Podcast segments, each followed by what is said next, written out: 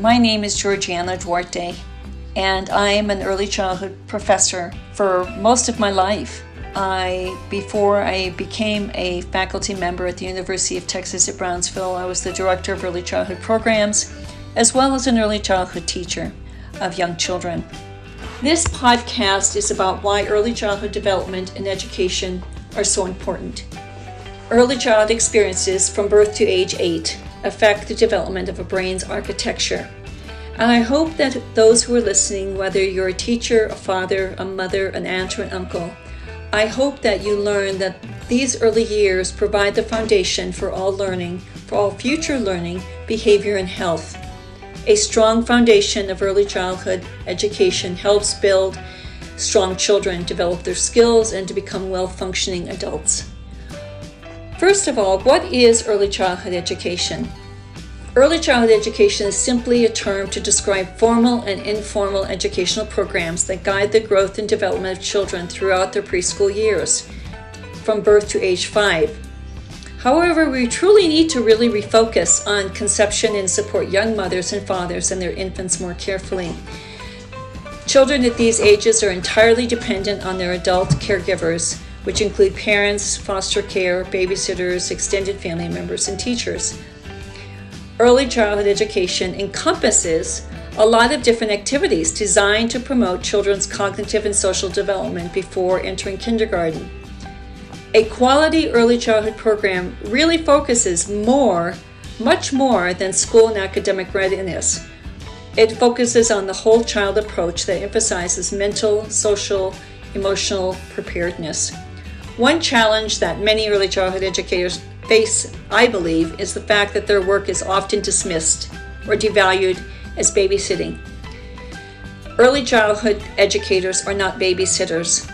They are quite specialized and committed to the well being of young children.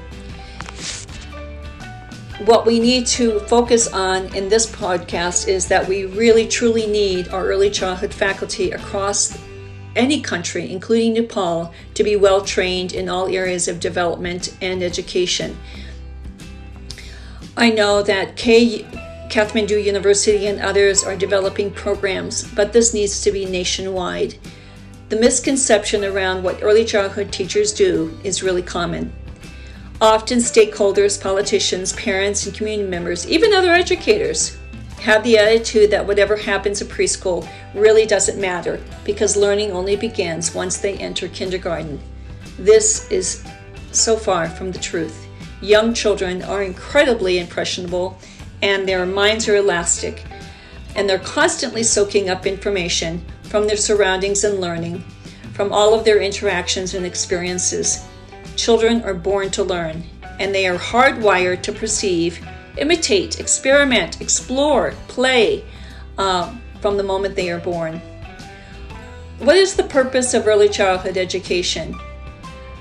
Zero to Three Foundation in my country, the United States, considers the following skills to be the most important for young learners to master. But I know that globally UNICEF has focused on this as well.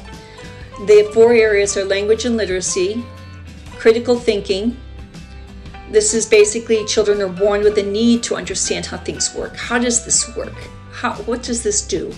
Self control is the third one. And the fourth is self confidence. When children feel really confident and believe in themselves, they are more willing to take on new challenges, to take risks, to explore. The fact that all of these skills can be developed without homework or tests is still really difficult for some adults to believe. It is important to realize that through play, children can learn these skills and develop literacy, math skills, scientific skills, etc. Early childhood curriculums are set up to encourage young children to learn about themselves and the world via experiences through concrete interaction. Why is it important? Oh, a newborn's baby is about a quarter of the size of an adult brain, and incredibly, it'll double in size by the child's first birthday and will have completed 90% of its growth by age 5. Think about that 90% of its growth by age 5. During the early years, the brain is making millions of synapses every second. These are connections, connections for them to grow and learn. That's a gigantic amount of growth. There is a very large body of research that suggests a high quality early childhood program can have a positive long term effect on the lives of children. We know this. Research has shown this again and again. Uh, starting with the pre- Perry Preschool Project in the 1960s, and we've had hundreds of studies to follow. The National Educational Association shows that children who receive a high quality education before they turn five are less likely to repeat a grade. They're less likely to be identified as having special needs. They're more prepared to academically succeed in later grades, and they're more likely to graduate from high school. Children who attend a high quality program are more likely to be higher wage earners in the workforce.